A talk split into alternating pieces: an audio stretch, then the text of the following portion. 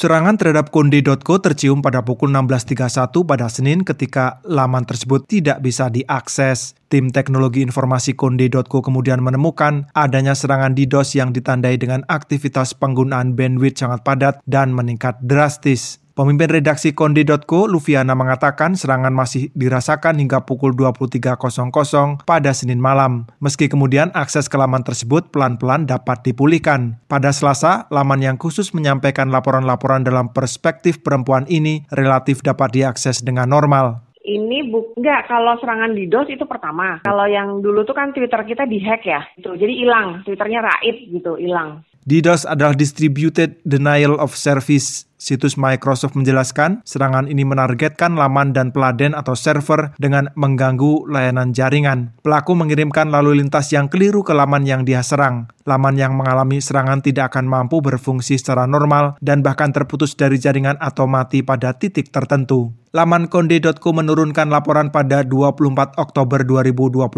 tentang perkosaan yang terjadi di lingkungan Kementerian Koperasi dan Usaha Kecil Menengah. Laporan itu berjudul Kekerasan Seksual Pegawai Kementerian, Korban Diperkosa dan Dipaksa Menikahi Pelaku. Empat pegawai kementerian tersebut diduga menjadi pelakunya. Sejauh ini, Lufiana mengaku tim teknologi informasi belum bisa mengidentifikasi terduga pelaku serangan ini kan menandakan bahwa semua pihak itu harus paham soal literasi gitu ya. Terus harus memahami bahwa media tuh menjadi bagian dari perjuangan publik. Ade Wahyuden dari Lembaga Bantuan Hukum Pers menyayangkan apa yang dialami laman konde.co kalau misalkan memang ada yang keberatan terhadap pemberitaan, harusnya mekanismenya adalah hak jawab, hak koreksi, atau bahkan pengaduan ke Dewan Pers. Tentu tidak mudah untuk langsung menyimpulkan bahwa laporan kekerasan seksual mendorong seseorang melakukan serangan terhadap laman media. Namun Ade mencatat di Indonesia setidaknya memang ada tiga isu utama yang sering menjadi alasan serangan terhadap media. Beberapa kasus yang cukup parah itu isu korupsi, kemudian isu-isu